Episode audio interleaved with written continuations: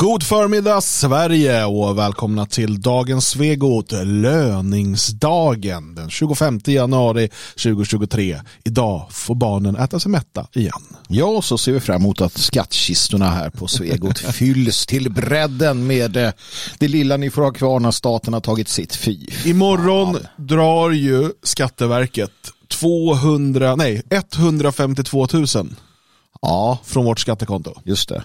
Eh, Och det gör de med anledning av det här som vi har pratat om tidigare. Eh, dubbelbeskattningen som revisionen tyckte att vi skulle ha. Och Precis. betala moms två gånger. Eh, för tre år tillbaka. Det har ju, nej 252 000 var det. Ja, 252 000 var det. Jag, jag, jag blev påminn om det när du sa, du ändrade tänkte jag att hade vi sån tur så tänkte jag nej det hade vi nog inte. Nej, det var Vi nog får nog titta närmare. 252 000. Precis, och de gör det gladligen också. Det, det kan vi säga. Nej, men jag, jag tänkte på det, det är så sorgligt också för att det är jättemycket pengar för oss naturligtvis för föreningen och så. Och, och det sker ju helt sådär ansiktslöst, helt automatiskt. Det finns liksom ingenting bakom det. Det, det, det är liksom en, en, en, en, du vet en sån här, en bäst Ja. som bara är papper och pennor och kontor som så här borta, insuget liksom till, till det här jävla systemet. Nej. Ja. Nej, eh, vi har ju lyckats samla in ungefär 100 000 kronor eh, för att eh, täcka de här kostnaderna och vi kommer här i dagarna nu att gå ut och försöka få in mer pengar till den här insamlingen. Det vi har gjort är att dra ner på alla möjliga kostnader och så vidare för att eh, se till att vi inte hamnar i på obestånd. Mm. Eh, och det löser vi, men det gör ju att eh, bufferten tar stryk eh, och ja, så länge vi inte liksom lyckas, vad ska man säga, återskapa den här bufferten och så vidare så vågar vi inte riktigt göra de satsningar vi vill göra heller. Nej, precis. Det säger sig självt. Vi, vi, är inte, vi är inte ansvarslösa på det sättet. Nej. Ehm, om du är intresserad av att hjälpa till, gå in på detfriasverige.se vinter. Magnus, hur har det gått med ålfisket? Jo, men ålfisket tycker jag ändå slingrar sig vidare. Ja, haha. Nej, jag, eh, jag, eh, det var länge sedan jag åt ål. Och jag är ingen sån här fiskare heller, även om jag har i blodet. Lite sorgligt, jag har tänkt många gånger att man borde göra det. Men eh, jag, jag överlämnar åt statssekreterare och andra viktiga personer att äh, ålfiska äh, åt oss. Vad tänker du om att ehm, det absolut värsta man kan göra i Sverige är att fiska ål? Och se- sen också dessutom inte erkänna det direkt för polisen. Ja, så här alltså. Som jag förstår det så är ålen, den ligger lite risigt till. Därför är det ganska hårda restriktioner på ålfiske. Jag kan ingenting om ål och ålbestånd. Men är det så så ska man naturligtvis ge fan i att fiska ål. Men om man nu råkar fiska ål så är det lite skit i samma också. Om du är ute med två, tre sådana här burar eller vad det heter på fisk, fiskespråket. Um, och liksom får upp någon gammal åljävel och sådär. Nej, det är inte bra, det är inte schysst. Men det finns så mycket värre saker. Men när det är PM Nilsson som gör det, som då är statssekreterare hos eh, Ulf Kristersson, så får det ju enorma proportioner i all media i princip. Um, och det är ju det som är så vansinnigt löjligt. Kan Men jämför då med Morgan Johansson, eh, ett av Socialdemokraternas absoluta toppnamn. Eh, numera sitter han då i utrikesutskottet, eller justitieutskottet va, tror jag. gör han säkert. Det är svårt att se honom där. han. Han gömmer sig bakom skrivbordet ofrivilligt. Ehm, tidigare justitieminister och så vidare. Ja. Och eh, han, eh, eh, hans fru, Mm. Som då arbetar för Säpo, Säpo-brutta. Ja. står nu åtalad för eh, dataintrång, tror jag de kallar det. Ja. Eh, för att ha genomfört, alltså hon har, hon har genomfört slagningar i Säpos register. Oklart om det är för Morgan Johanssons räkning eller inte. Eh, men som man inte får göra. Vi vet ju att hon har slagit på sin gamla pojkvän. Så här försmådd jävla elak. Kan, kan vara, eller att eh, Morgan Johansson ville ha, jag såg att om det var Jens Ganman som gjorde någonting om det, att han ville ha reda på Tobias Billströms Grindr-historik. Så kan det ha varit också. finns ju många, så här- alltså, jag förstår ju att det, att det finns en lockelse eh, om man sitter på säkerhetspolisen att slå i, i deras register. Jag förstår det. det, det alla, det, alltså, det, du är inte mänsklig om du inte känner den lockelsen. Um, det här blir en liten, liten notis i vissa tidningar. Ja, DN hade en Eh, väldigt liten notis. Hon är anonymiserad, Morgan Johansson nämns inte. Det är, inte- det är nej. visserligen inte han som är åtalad, men det är ändå, Han är ändå, det är ändå hans bara. fru. Ja. Det är ganska allvarligt. Kan man tycka. Eh, om du jämför det med hur PM Nilsson får löpa gatlopp. Han är ute i Karlskrona skärgård med lite innanför västen, åker runt i någon gammal, liksom ror runt där och så bara la la la, här ska jag få mig en ål, så bara hallå där. Han är ju nämligen nu, NOA då, nationella, ja men du vet de ligger med varandra, Orgierna, polisens Orgiestation, förutom Katja Nyberg som SD är, hon ligger inte med någon där tror jag. Eh, men där har man ju då inlett en ytterligare eh, undersökning mot PM Nilsson. För att eh, åljävlarna är ju då som sagt rödlistade. Och det är så här artbrott eller så här brott mot artskyddet eller någonting som mm, deras specialavdelning har, har då inlett alltså. Um, som, som du säger där, det känns som att det finns en slagsida generellt både inom myndigheten och Kan man säga att myndigheter tar brott mot ålen eh, på större allvar än brott mot svenskar? Det kan jag tycka att de gör va? Ja, Har ålen större skydd i svensk lagstiftning än vad svensken har? Det är jag helt säker på att den har. Absolut. Eh, jag tänker också att, att det här, om man nu ska vara sån va, och det ska ju inte vi vara. Man vill ju, inte, man vill ju liksom inte vara en dum kille som killgissar. Det skulle kunna kännas som att det finns en djup stat som är verksam, att polis, media och annat någonstans så här, ja men på, på PM Nilsson, på nuvarande regering. Men det, så kan det ju inte vara. Det som man försöker nu hålla emot honom det är väl att han då, för det här skedde ju innan han blev statssekreterare. Eh, Det är väl flera år sedan till och med. Och, men däremot så ska han då ha nekat till detta, han ska ha ljugit för polisen. Ja. Eh, när de frågade fiskar ål? Och så sa han nej. Nej. Eller jag vet, jag vet exakt. Jag har inte, så här, jag ska vara helt ärlig. Jag har inte grottat ner mig i den här åla-historien. ja För att den in är det. inte så pass intressant. Jag tycker att medievärderingen, när man jämför med Morgan Johanssons fru som då står åtalad nu för dataintrång. Jag tycker att medievärderingen mellan de här två är, är intressant. Den säger något. Jag läste en, en eh, bok skriven av en polis eh, som, som eh, skrev om förhörstekniker. En svensk polis alltså, så lite från ett svenskt perspektiv. Han skrev så här. Han inledde så här att du ska aldrig någonsin, oavsett om du är skyldig eller inte, erkänna för polis, underlätta för polis eller någonting. För han, han, han, han, han menade på det att i risken finns alltid att de har alltid en bias mot dig. Du, de har fått tag på dig, de vill att du ska vara skyldig, det är enklast för dem. Deras jobb är inte att hjälpa dig, deras jobb är att fälla dig. Så han sa det och, och han sa att det finns ju ingenting i svensk lag eller så som säger att du inte får det. Alltså du är inte klandervärd för att du ljuger för polisen. Du, du har ingen skyldighet att göra det. Du har ingen skyldighet att, ljuga, att, att tala sanning för polis. Om du Nej, misstänkt för Däremot någonting. i rättegång, om, alltså som vittne om du svär en sån här... Absolut, det är en helt annan sak. Då jävlar ska du vara sanningsenlig. Ja, Men är du, är du misstänkt då ska du aldrig, aldrig erkänna. Du ska, så, håll käft. Eller svara nonsens-svar. Eller nonsenssvar, det går det, går det också. Ehm, vad gjorde du egentligen här på kvällen? Röd mjölk. Julmust.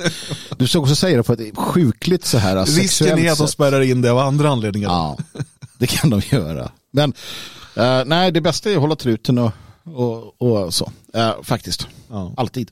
Vi ska tala om, eh, och du, du var inne och tassade lite på det här. Åla där runt. Ja, eh, ålade runt bland vänstern. Ja, Vänstern von oben kallar vi det här avsnittet. Det vi. Och eh, det gör vi med anledning av en kulturartikel i den borgerliga högertidningen Svenska Dagbladet. Nåja, ska vi inte hålla på så vi spricker Men här. det här är ju en sån här typisk grej också som vänstern brukar säga så här, ja men media i Sverige är ju höger. Precis. och då brukar det vara så här, kolla, ja, DN är ju liberal, Expressen är liberal, eh, Svenska Dagbladet de är ju konservativa, Mariestadstidningen. liberal. Du har eh, hela stampen. Ja, men, och det är, så här, det är deras argument, så bara, AB. men vad är det som står i de här tidningarna? Ja.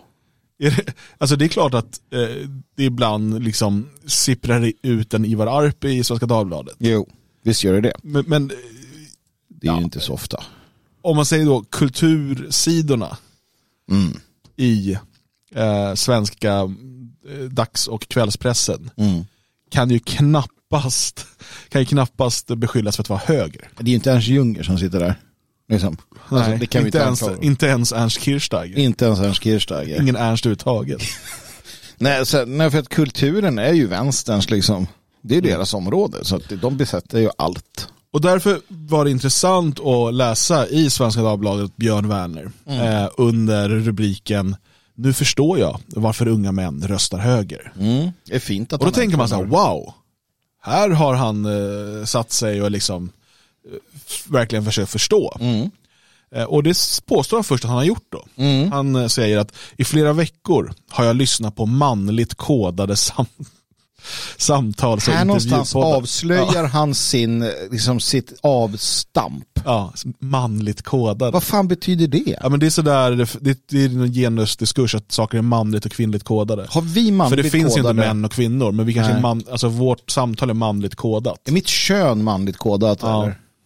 Hur vet du Med, det? ibland är det kvinnlig koda på, men det ska vi inte prata om. Va? Gud vad äckligt Magnus. Jag vet, inte, det, jag vet inte, jag tycker Får vänta gick på din kanadensare, hon, hon kommer. kanadensiska. kanadensare. Du har inga bevis för att det där inte är en kanadensare.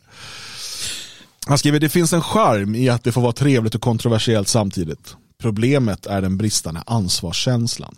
Och sen när man läser då den här kulturartikeln av eh, Björn Werner, eh, och, och så är det ju ganska tydligt eh, hur han ser att han sitter i det här elfenbenstornet och tittar ner på den dumma massan som inte förstår bättre.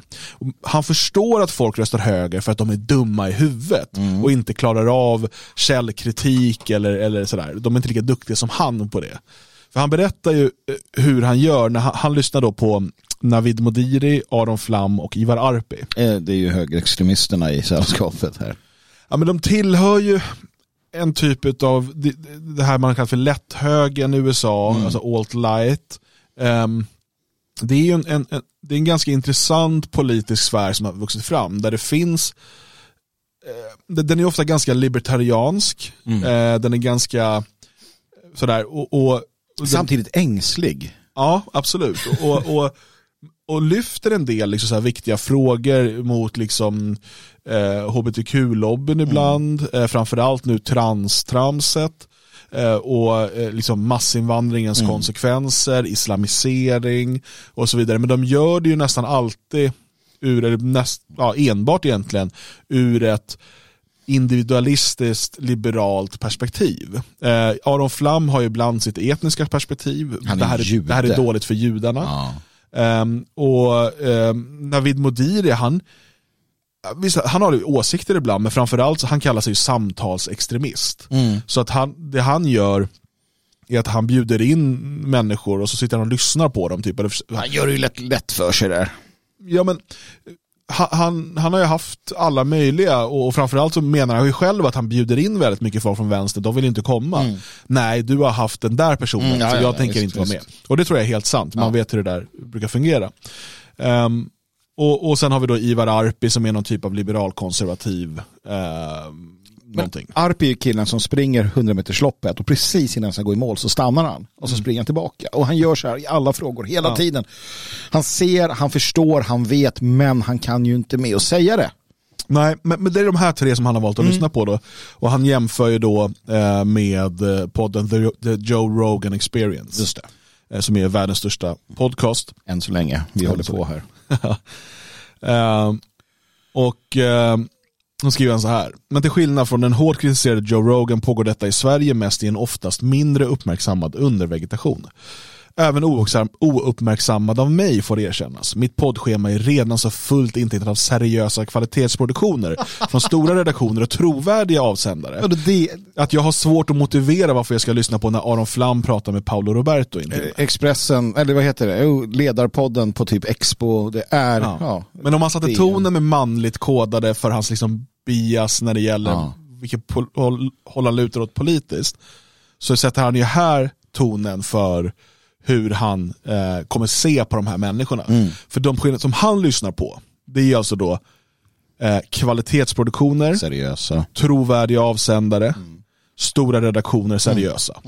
Till skillnad då från de här. Ja, man, precis. ju- det, det är ju så Ja, självklart är det till skillnad. Han, han sätter ju det som en speglar här och, och konstaterar att det är så. Mm. Och så säger han att han har lyssnat och nu förstår han varför 70% av unga män röstar så pass höger som de gör. Eh, och så säger han här, strax under offentlighetens yta, finns nämligen ett tryggt safe space för alla killar. Som dirigeras med en tydlig högerton. En plats där ingen blir arg om någon säger att feminister har fel. Där det råder konsensus om att makten ljuger för oss och killgissningar hanteras som fakta. Som att hamna på en ganska störig AV. Han, han, eh, hade han, han, han, han, 70% av killarna vill ju skalla ner honom. Uh, bara när han säger sådär. Han förnedrar, förringar, förminskar och höjer sig själv till skyarna, denna jävla manstant. Uh, och, och då tror att hans 30% eller ja det blir 30, jag kan inte räkna, uh, utav sådana som honom, det är på något sätt liksom, det är, det, det är eliten. Och det här, mm.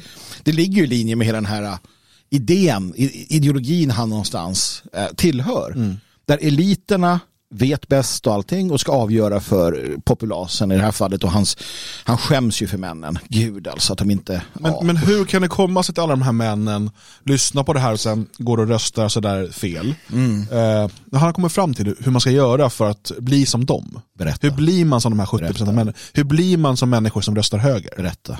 Jo, så här säger han. Ja. Väljer man att stänga av allt kritiskt tänkande och sluta ifrågasätta sanningshalten i det som sägs så blir det precis som på en AV också både småmysigt och ibland rätt intressant. Fan jag hoppas han tog mycket vaccin killen. jag bara hoppas det. Alltså, och det, att han drack DDT som liten för att få bort eh, någonting. För man ska, ah, kritiskt tänkande. Ja. ja. men alltså, han menar att det är han som har kritiskt tänkande. Jo, jo precis. Och att alla som men, lyssnar på det här och eh, men, men, inte blir galna som han säger, för han, han, han säger att som lyssnare lägga alla invändningar åt sidan är dock ett absolut måste. Annars är det lätt att drabbas av en personlig publicistisk härdsmälta. Men hans kritiska tänkande går ut på att lyssna på poddar från DN.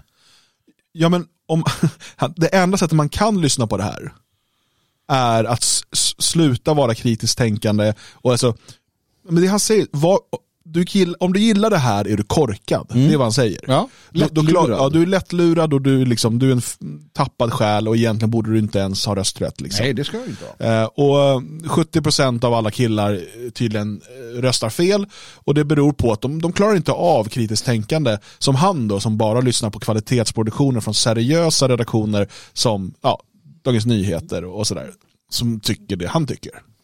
Ja, och att lyssna på dem kräver då Ja, det kan jag hålla med om att det kräver kritiskt tänkande, men han uppvisar ju inget sånt. När, när uppvisar han kritiskt tänkande? Det undrar jag. Och varför är det så jävla viktigt att alltid vara kritisk till allt? Mm. Alltså, jag, jag, förstår ju vikten av kritiskt tänkande i mångt och mycket, men mm. om en astronaut vill, eller om någon vill berätta varför astronauterna kom och...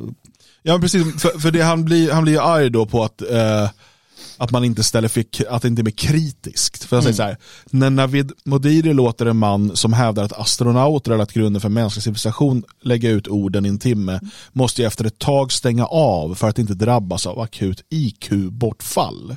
Det är ju inte sant, han vet väl själv att man inte drabbas av akut Nej, men okej, okay, man blir dum i huvudet av att lyssna på det där tänker han. Ja, det är inte sant heller. Han klarar sig inte av att lyssna på någon som får lägga ut, alltså som, som, har, som han enligt honom har fel, ja. och med största sannolikhet har fel.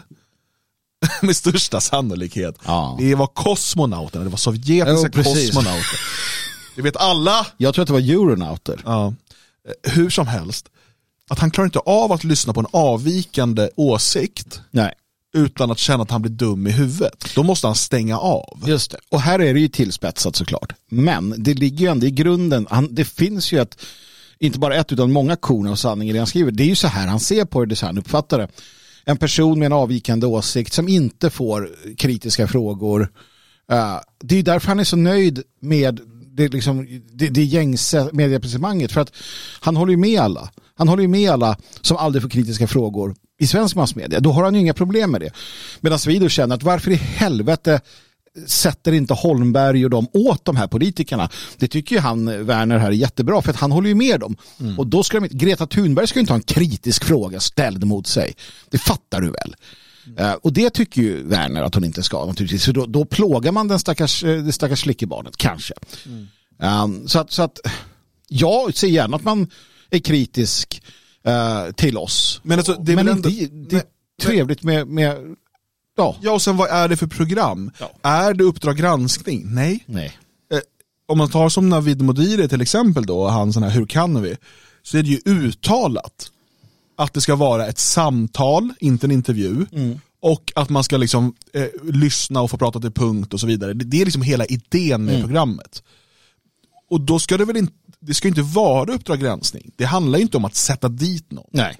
Utan det handlar ju om att gen, hans idé, och jag vet inte om den är sann eller falsk, men hans idé är ju att genom att liksom, lyssna på alla olika sorters människors eh, berättelse och, och idéer och tankar och så vidare så får man själv mera input och utav det så kan man få en bättre bild av verkligheten och förstå varför människor agerar som de gör. Han, hade, ehm, han har haft liksom sådana här transmänniskor eh, och anti-könsbytarmänniskor och så, här. och så lyssnar han på dem och sådär. Och Det är klart att han inte är liksom helt neutral eller sådär, men, men det är ju idén. Och, men så ska det inte vara, för att varje då, han pratar att det ska vara en journalistisk produkt och det ska vara kritiskt.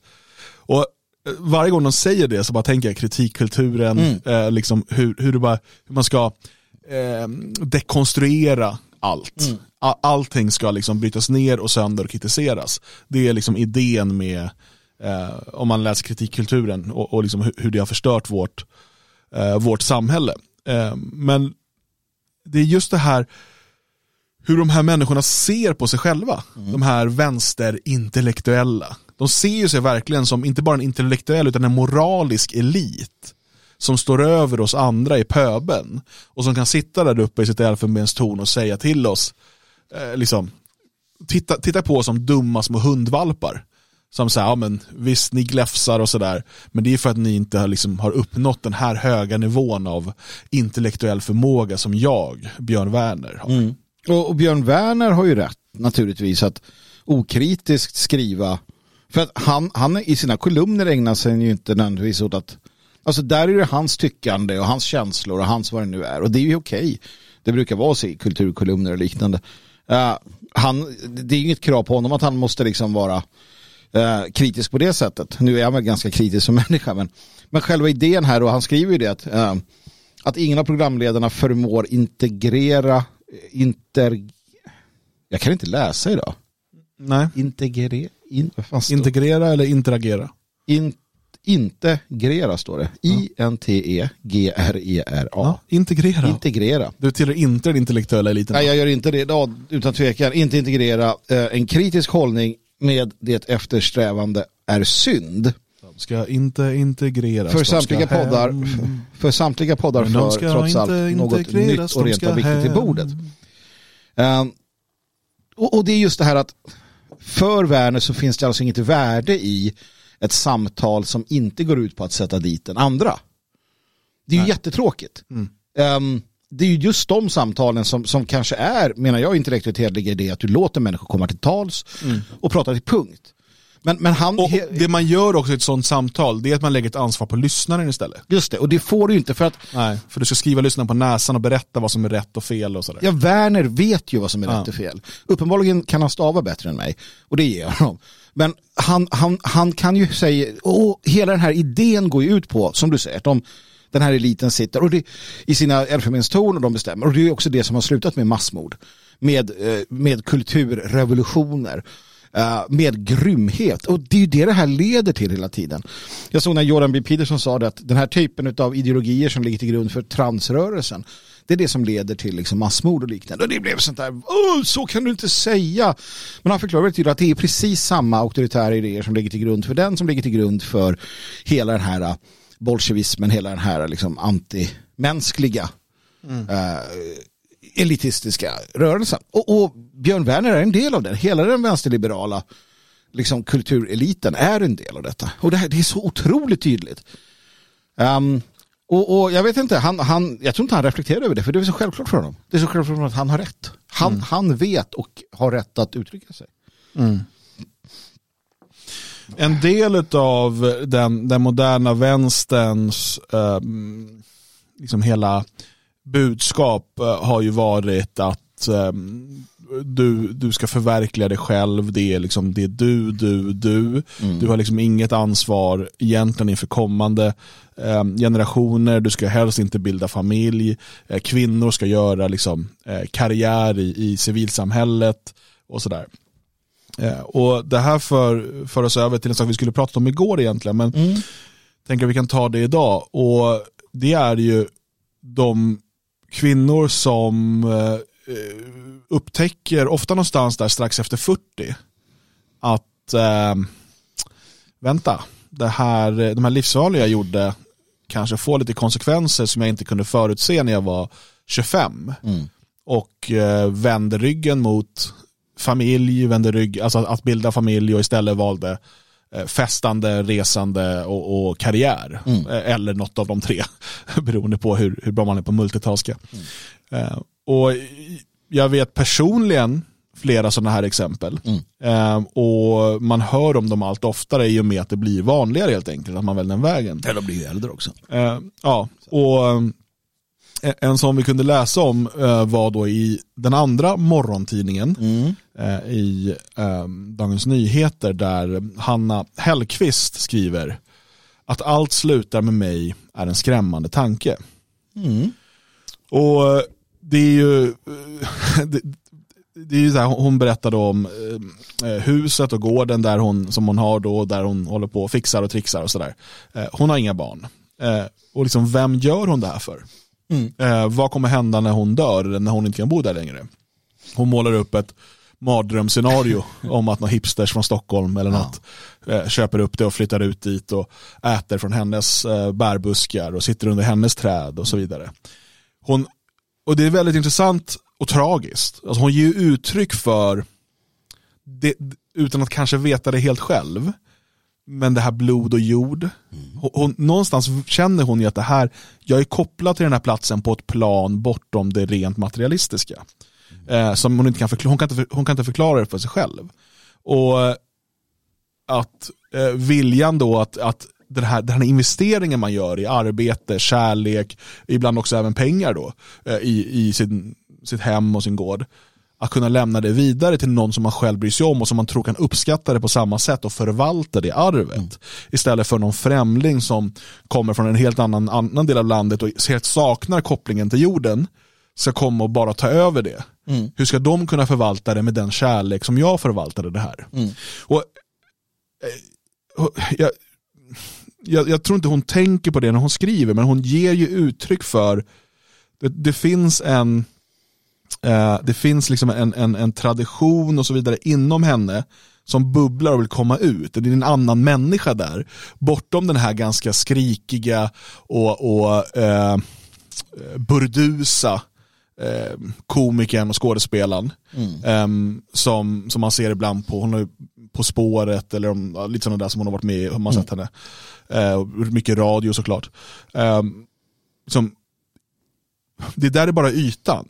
Men under den ytan finns ju liksom generna som har eh, liksom skickats vidare i, i, tusentals generationer och som bara väntar på att, att få spräcka den där ytan och få leva i enlighet med traditionen och, och det som är liksom det naturliga för oss. Så, eh, jag tror att den här, jag hoppas att den här texten kan vara lite av en tankeväckare hos en del unga tjejer som, som tänker gå samma väg, eller som har tänkt att gå samma väg som Hanna Hellqvist och, och inte skaffa barn utan göra vad hon har gjort istället. Då.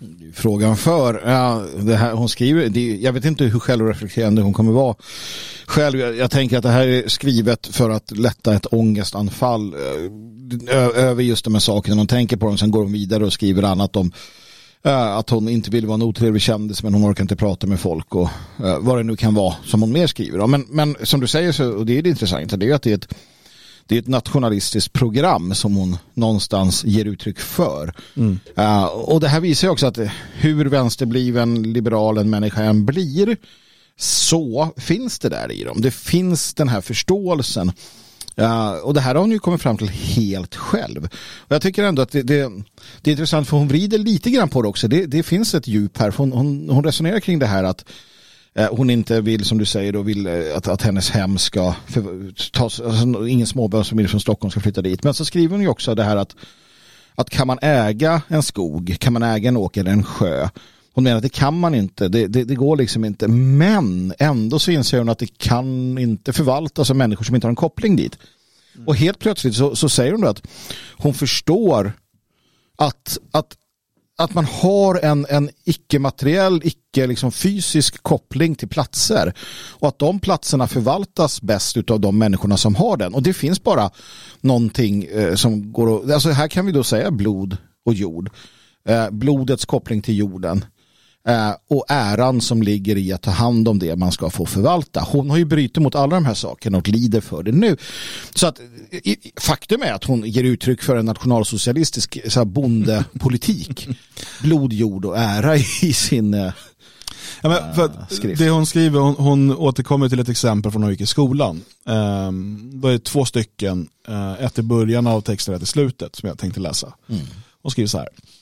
I min klass gick en pojke med långa ben och ett gammalt ansikte. Mattias hette han. Mattias skulle ta över gården. Det bestämdes samma dag han kom till världen.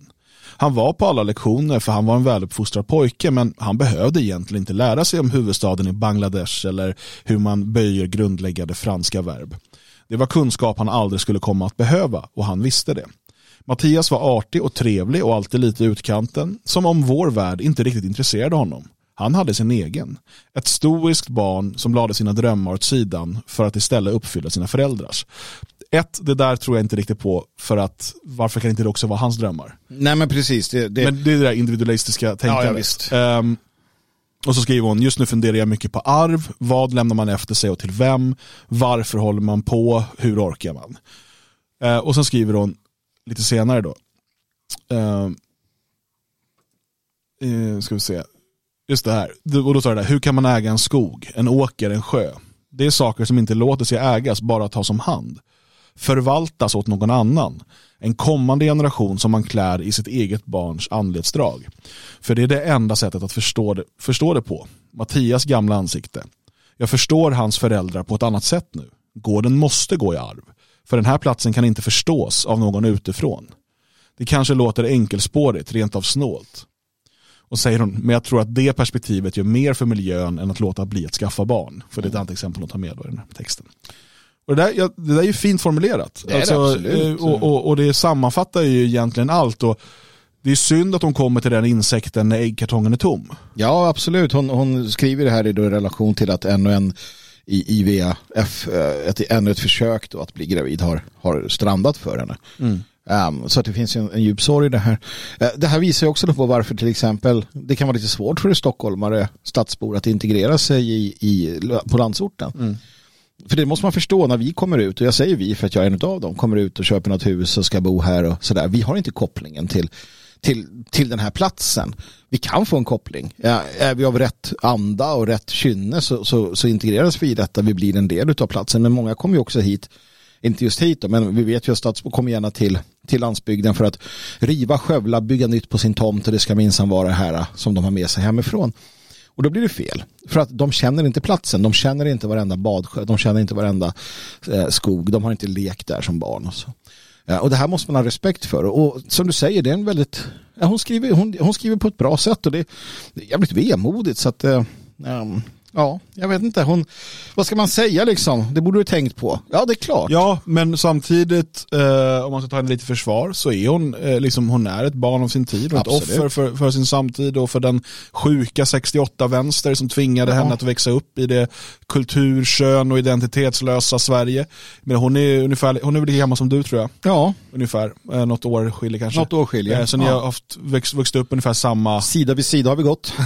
ja, men, men så att och, och, vi har ju sett många är liksom, att din supergamla generation och min lite yngre mm. generation då, eh, som har valt liknande, eh, gjort liknande oh ja, livsval. Oh ja, oh ja. Och det, det, man kan hoppas då det är ju att, den här, att fler kvinnor framför allt eh, går ut och talar om de här sakerna. Mm. För att det ska kunna åtminstone vara en, en, liksom en tankeställare mm. till de unga kvinnor som nu står eh, i tidiga 20 och, och liksom valet mellan att, att liksom bilda familj och fokusera på det framför allt. Mm. Eller eh, själv, det här eh, individualistiska självförverkligandet, vare sig det är karriär eller mm. festande eller resande eller vad folk nu fyller det med. Eh, och eh, det, det, är inte så, det är inte heller så binärt. Och det här är någonting, eh, om vi nu har unga kvinnor som lyssnar på det här, mm. förutom hon i Kanada då, Just det, ja. Har du sagt åt henne att lyssna? Nej, jag har inte gjort det ännu, men, men hon, hon, det, det kommer. Det kommer. Um, så är det ju det är inte så att bara för att du då väljer att, att bilda familj i den eh, liksom tidiga 20 ungefär där som är ganska lagom eh, rent biologiskt och sådär. Eh, så är det inte så att det betyder att du aldrig det finns ju den här bilden av att ja, men då kommer du aldrig kunna resa eller då kommer du aldrig kunna eh, liksom börja jobba. Eller då kom, det, mm. det är inte sant. Nej, det är inte det sant. Går, det går alldeles utmärkt att kombinera väldigt mycket av det här. Däremot så kan du såklart inte hänge dig 100% åt att backpacka i Asien i sex år. Mm Eh, eh, och, och jobba på strippklubb samtidigt som du ska uppfostra tre barn. Nej, det går inte. Det går ju inte. Och, och det är också problemet, eller som sagt, jag är ju jag är ganska positivt inställd till, till att, att det att maskin, alltså det globalistiska maskineriet kör ihop sig. Jag lyssnade på en, en, ett föredrag av Herman Lindqvist där han berättade hur det såg ut för. Han, han pratade just om det här hur, hur man då sällan, om någonsin, lämnade sin socken. Ja. Förr i världen. Och då är inte så jävla långt tillbaka i tiden. Men att du kanske åkte till någon by någon, eller du kanske åkte till någon marknad någon gång och sådär. Men det var liksom, det var lite farligt på vägen. kunde finnas rövar och elände. Så de flesta människor växte upp, levde och liksom så i sin socken. Va? Och jag, jag, säger inte att vi ska gå tillbaka till det. Jag tycker själv det kan vara lite trevligt att resa. En roadtrip i Europa skulle inte sitta helt fel. Va? Mm. Men det är inte hela världen om du inte får upptäcka Patang Beach och eh, dansa på borden medan du, eh, inte vet jag, värjer dig mot tiggare eller någonting. Jag vet inte vad man gör riktigt. Och jag tror att vi kommer se en förändring av detta. Uh, den har redan börjat. Jag tror att hela det här, när, när hela den här transrörelsen eh, imploderar, vilket den kommer göra för att kärringarna kommer inte ta det här längre till. Jag är rätt säker på att eh, girl power, de kommer säga emot här nu. Det börjar bli för mycket. Um, och, och en, en liksom uh, naturlig revolution mot uh, den här uh, antimänskliga politiken som har förts. Det tror jag. Sen hoppas vi att det inte är för sent på grund av en massa orsaker som vi inte behöver gå in på här. Men alltifrån då miljögifter till vaccin som gör det hela mycket mer problematiskt. Men eh, tummarna håller vi. Mm. På tal om trans, kan vi kolla på ett klipp eh, som du eh, delade på Twitter? Självklart. Eh, från Libs of TikTok. Det var väldigt underligt. Mm. Um, och uh, jag vet liksom inte, ska se om jag kan få ljudet här. Så mm. Jag tror att det, för er som lyssnar i efterhand så räcker nog ljudet för att förstå. Det här är alltså, en, ja, ni hör. Well, this is just lovely. I had a neighbor confront me for using the women's restroom. I lived here for four and a half years. Everyone should know that I'm a trans woman. I've always been known as Kaylee. I've always used she, her pronouns. I've been having some stomach issues because of Trulicity, and I had to use the bathroom real quick. And they're single use bathrooms, and it's the only place that I feel safe using the women's bathroom. Well, I got done and got out, and this neighbor was talking to another neighbor and started pointing out the sign. I knew exactly what she was talking about because there's a big old woman sign. And I'm like, Is there a problem? She's like, Yeah, you're using the woman's restroom. You're a man. And I said, I'm a det här är alltså en skäggig, tjock, långhårig kille. Ja, han skulle, alltså, det, det finns, ja, alltså han, han försöker inte ens. Med basröst. Ja. Trans woman. And she's like, no, you're a man. And she kept saying that over and over. And then I, and she kept saying, you're not a she, you're a he. You should be using, You, you were born a man. And just over and over. And honestly, I just lost it. Just lost it and just started screaming and swearing. I, I just couldn't handle it. I just, my, this is my home. This is my safe place. I should be able to use the restroom. The, the apartment manager knows I'm trans. Everyone knows my name is Kaylee. And then my group of friends, I thought my friends were all starting to yell at me saying I escalated and because she had two kids. I, I didn't even see the kids. They were there and I just lost it. Fight, flight, or freeze, and I fought. You don't know what it's like to be a trans person. And then, and then my one friend started yelling at me and uh, neither, none of us stood up for them. Han är arg på sina vänner. Mm, han är arg på alla. Alltså det här är en människa som inte mår bra. Men och, och, argumentet för att han är en kvinna är då, jag, het, jag heter Kaylee och jag har använt pronomen eh, hon väldigt länge. Ja. ja. Det här är ett... Alltså är jag en kvinna. Ja. och det här, nu har det blivit, alltså, som sagt, nu försöker de inte längre. Ja, det är det jag såg också senast från Storbritannien hur en, en våldtäktsman, en ung kille, våldtäktsman, hade också misshandlat kvinnor. Han eh, i väntan på rättegång bytte han, bytte han kön, alltså han ja. identifierade som kvinna, blev dömd och hamnade på kvinnofängelse. Det, det, här håller inte längre, det här är väldigt nära en bristningsgräns. För att inte ens liksom, eh, inte ens kvinnorna som ofta gärna bara vill hålla med för att det är mycket lättare kan ta det här längre. Det går inte. Mm. Framförallt inte att det kommer börja drabba deras, barn, deras flickebarn på ett sätt som, som väcker lejoninnan innan dem. Och det är det som krävs. Jag kan tjuta mig blå över att det här är sinnessjukt. Och Jag har gjort det nu i alla år. Det, det, får inte samma effekt om vi gör det som om, om tjejerna själva kliver fram för i helvete. Och bara, men du är en tjock, skäggig gubbe. Du har kuk för i helvete. Du är inte kvinna. Mm. Punkt. Säg vad det är, det är sinnessjukdom. Ja, men, Grasserande sinnessjukdom. Men, och, och det, på, på, det här, jag förstår inte vilken terapiform det är där man ska bekräfta människors vanföreställningar. Jag, eh. jag förstår inte vad, vad, det ska leda till. Uh, det, jag vet att det, jag har hört om att det finns så här att man till slut man ger upp för att en människa är liksom, den går inte att rädda. Mm. Och då är det så här, det kan vara lite grann så här med dementa och sådär. Till slut kanske man bara ska spela med. Ja, ja, jo, ja men visst. Ja, men så här, för att det är som det är liksom. Jo. Men det här, det här måste ju få ett stopp. Det här är ju, total, det här är ju men, på riktigt total galenskap. Samhället har ju bestämt, alltså någonstans, Vilket samhälle? läkarvetenskapen, vad du nu vill, har ju bestämt, Trust the science. har ju bestämt att det här inte är en, en, ett uttryck för sinnessjukdom. Det här är män som egentligen är kvinnor.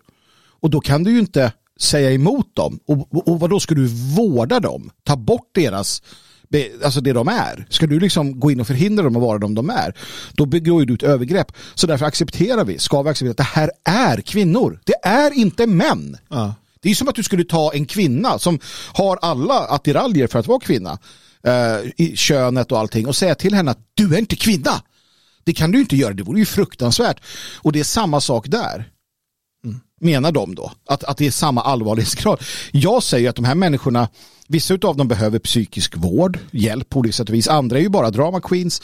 Några, de är opportunister. Alltså man har släppt lös en fullständig galenskap i samhället. Mm. Och vi ska alla bara applådera med. Det gör jag inte.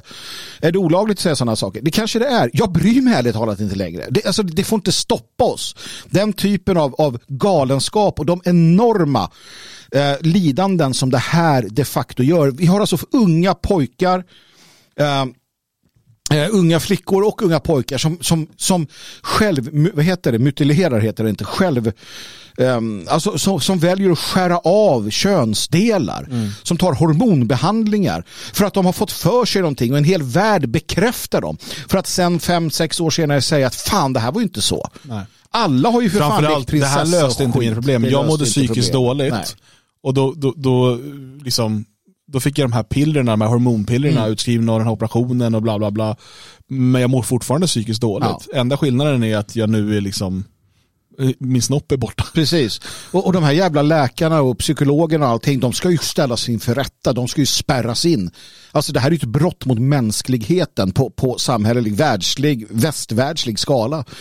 Vi, vi får inte vara tysta om det längre. Vi kan, vi kan skratta åt det i mjugg naturligtvis och så. Men jag menar, det är en, en, en fullständig absurditet. Säg ifrån, ta straffet. Eh, kalla galenskap för galenskap. Det här är galenskap fullständig. Ge dem hjälp.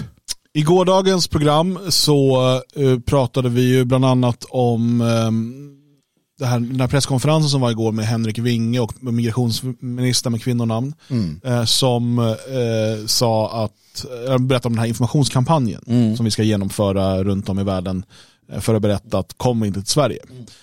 Um, det verkar vara den ena saken Sverige ska göra. Det andra är att man ska försöka sätta press på EU Eh, Eh, vi ska lyssna på ett inslag här ifrån Sveriges Radio. Bättre på att verkställa utvisningar.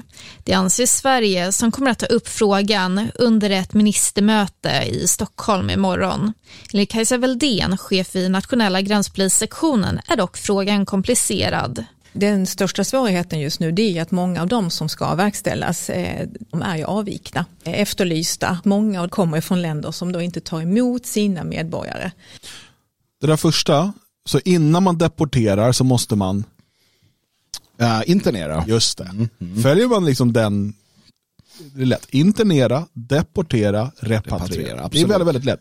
Gör man det i den ordningen mm så kommer det lösa sig. För att först så internerar man alla de som eh, ska eh, deporteras, alltså kriminella och andra som inte har rätt att vara här och så vidare. De interneras, de hålls fängslade, eh, fångade innanför höga murar och med vakter.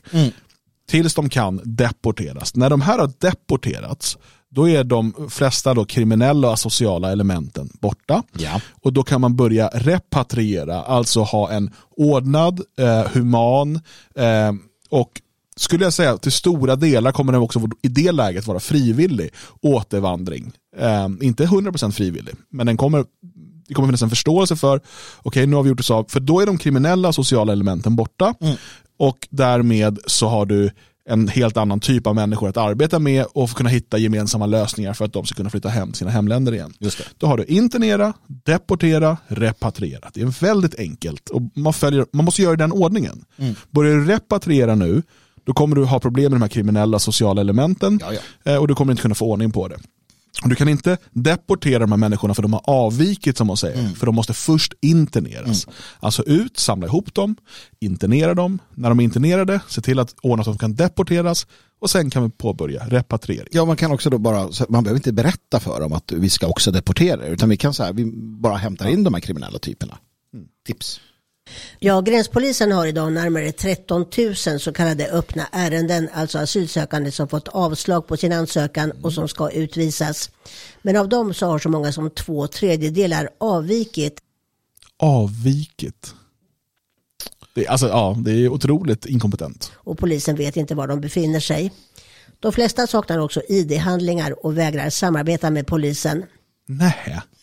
Vad Det är därför de ska interneras. De är inte ålfiskare i alla fall. Det är därför de inte ska släppas in i Sverige. Har du inte fått ett uppehållstillstånd, i väntan på ditt uppehållstillstånd, så ska du interneras. Mm.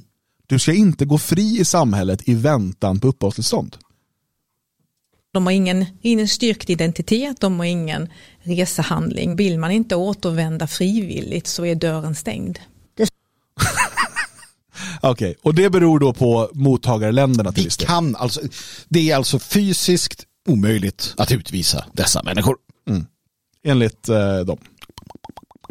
Största problemet idag är att hemländerna vägrar ta tillbaka sina egna medborgare enligt Kajsa ja. Vissa länder går det helt enkelt inte att utvisa till. Ett av dem är ju Afghanistan eh, och framförallt nu efter att talibanerna har tagit över så har vi liksom ingen motpart att ha en dialog tillsammans med. Sen är det andra länder som också är problematiska, ett av dem är bland annat Somalia. Det är stängt, det är liksom den stora knuten som är Alltså, Afghan, Afghanistan vill inte ha afghaner, somalierna vill inte ha somalier och så vidare. Säger det någonting om hur vi borde ta hand om vår invandring? Om inte ens Somalia vill ha somalier. Ja, det borde ringa några klockor där. Jag tänker också vad det gäller talibanerna där, är det för att vi inte godkänner dem som vi inte har dialog med dem? Ja, förmodligen. Ja. Så att det är ju lite självförvållat där också. Jo, men det går ju liksom att man kan väl bara flyga dem till gränsen då. Släpp dem i Pakistan. Betalar inte vi herrans massa pengar till de här länderna också? Det är väl det de kommer komma till här nu tror jag. är ett, ett problem för oss. Och det är den här frågan som ska diskuteras av EUs migrationsministrar i Stockholm. Hur EU kan sätta hårdare press på länder att samarbeta kring utvisningar. Och ett verktyg är viseringspolitiken. EU kan till exempel förlänga handläggningstiderna för visum eller höja priset. I höstas infördes visumrestriktioner mot Gambia. Andra problematiska länder är Irak, Iran, Marocko, Algeriet och Turkiet. Hon som pratar nu, hur många år tror du hon har rökt och varför röker hon gula Blend? Jag har tänkt på det också. Ja. Länge, Tror du hon har druckit Campari med juice någon gång? en hel del. Mycket fläktrökning där. Känns det Och den svenska regeringen vill nu att EU ska bli tuffare. Sverige vill också att EU drar in bistånd och försämrar villkoren i handeln med länder som inte samarbetar. Reporter här var Susanne Palme, Adelina Storkas, Ekot. Alltså, eh, och det här, det, det är ju såklart, det här är ett bra steg. Eh, Det här har vi pratat om länge. Var, om, om de här länderna vägrar ta emot sina egna medborgare, vi pratar alltså inte människor som har då fått svenskt medborgarskap och som vi sen behöver riva medborgarskapet för och så skicka tillbaka. Utan det här är människor som inte har rätt att vara i Sverige av antingen för att de inte har fått uppehållstillstånd eller för att de är dömda för brott och dömda till utvisning. Och de är inte medborgare i Sverige utan de är medborgare i Somalia eller Afghanistan eller Irak och de här länderna vägrar ta emot sina egna medborgare, då bryt all typ av samarbete med dem. Ni får ja. inga bistånd, vi kommer inte handla mer, vi kommer inte... Varför inte? Det är väldigt enkelt. Det är väldigt enkelt allt det här. Det är ju det. Och det är som du säger, det är ju bara att, att äh, säga att från och med nu så klarar ni er själva äh, och era medborgare kommer vi bara liksom luftlandsätta. De har ändå pissförsvar till äh, vi kan köra Herkulesplan. På riktigt, jag är helt alltså på riktigt inställd på att kasta ner dem i, i Hercules, från Herkulesplan. Med, med naturligtvis då sådana här Eh, fallskärmar. Fast du tänker fallskärmar från sådana här G.I. Joe-gubbar, så jättesmå fallskärmar. Jag säger fallskärmar och sen så låter jag det bara sagt. Fallskärmar utan utlösare. För, jag... den, för den extra paniken, där man, man blir utkastad. Och så känner man, vi har i alla fall fallskärm. Och så bara, jag, jag, tänker att, jag tänker att själva säkerhetsutbildningen sker på bara svenska i alla fall. Det tycker jag är grundläggande viktigt.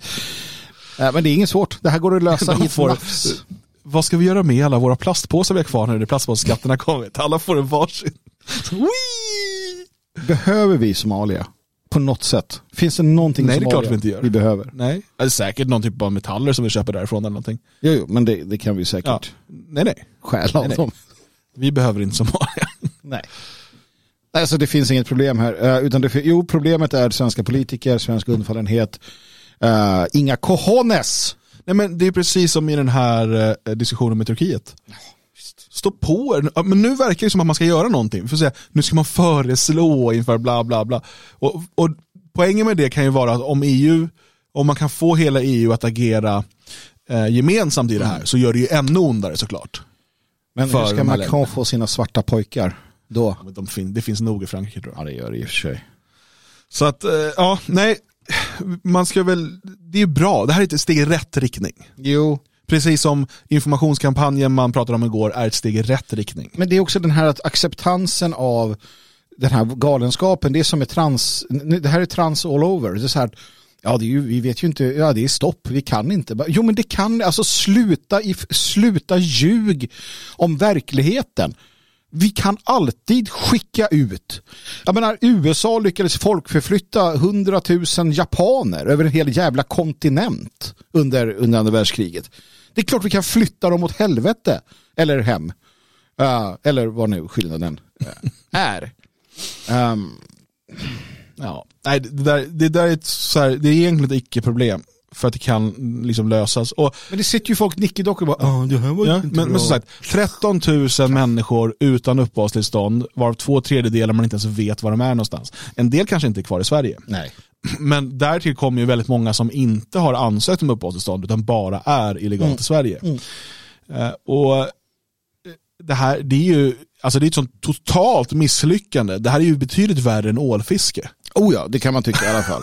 Även om... och så här, ingen är liksom ansvarig, ingen tar ansvar, ingen döms för det här. Nej, men... Hur kan det, det ska inte kunna liksom röra sig, eh, alltså en icke-medborgare som kommer till Sverige ska inte kunna röra sig hur som helst utan att vi vet varför den är här och var och när ska du åka tillbaka. Och, och kommer du dessutom från ett land du inte har visum, ja, då behöver du söka uppehållstillstånd. Under den tiden och, och det här ska ju helst göras ifrån ditt hemland. Mm. Och kan du inte det, behöver du komma hit och basera 74 säkra länder på vägen av någon anledning. Mm. Då måste du interneras. Och vare sig det görs då vid gränsen i Sverige eller om vi hyr platser i ett förvar eh, i, i Djibouti, mm. det skiter jag fullständigt i. Mm. Men de här människorna ska inte gå runt och vara en säkerhetsrisk i Sverige. Nej. Punkt. Det är jätteenkelt. Uh, så att, uh, ja, gör som uh Gör som Dan säger så blir det faktiskt ordning på det här. Det blir det alltid. Ja. Gör alltid som jag säger. Ja. ja. Heja Bayern.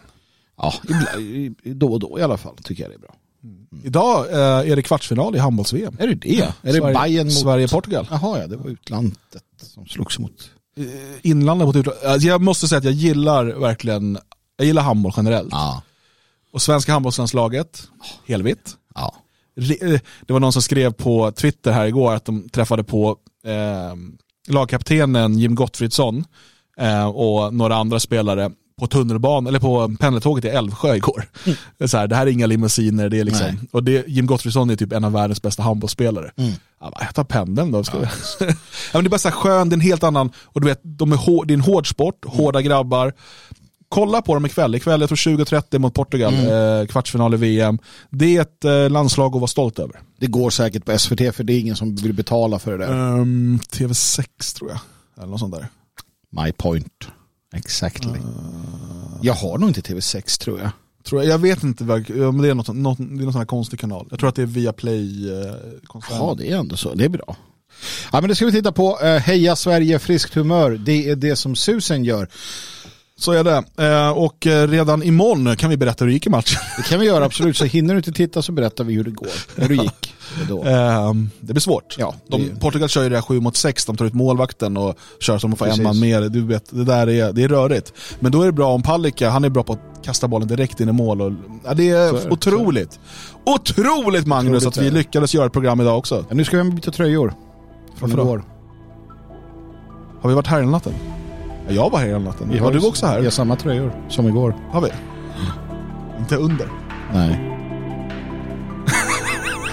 Jag var naken. Stort tack för att ni har varit med och lyssnat. Vi hörs imorgon igen. Ha det bäst.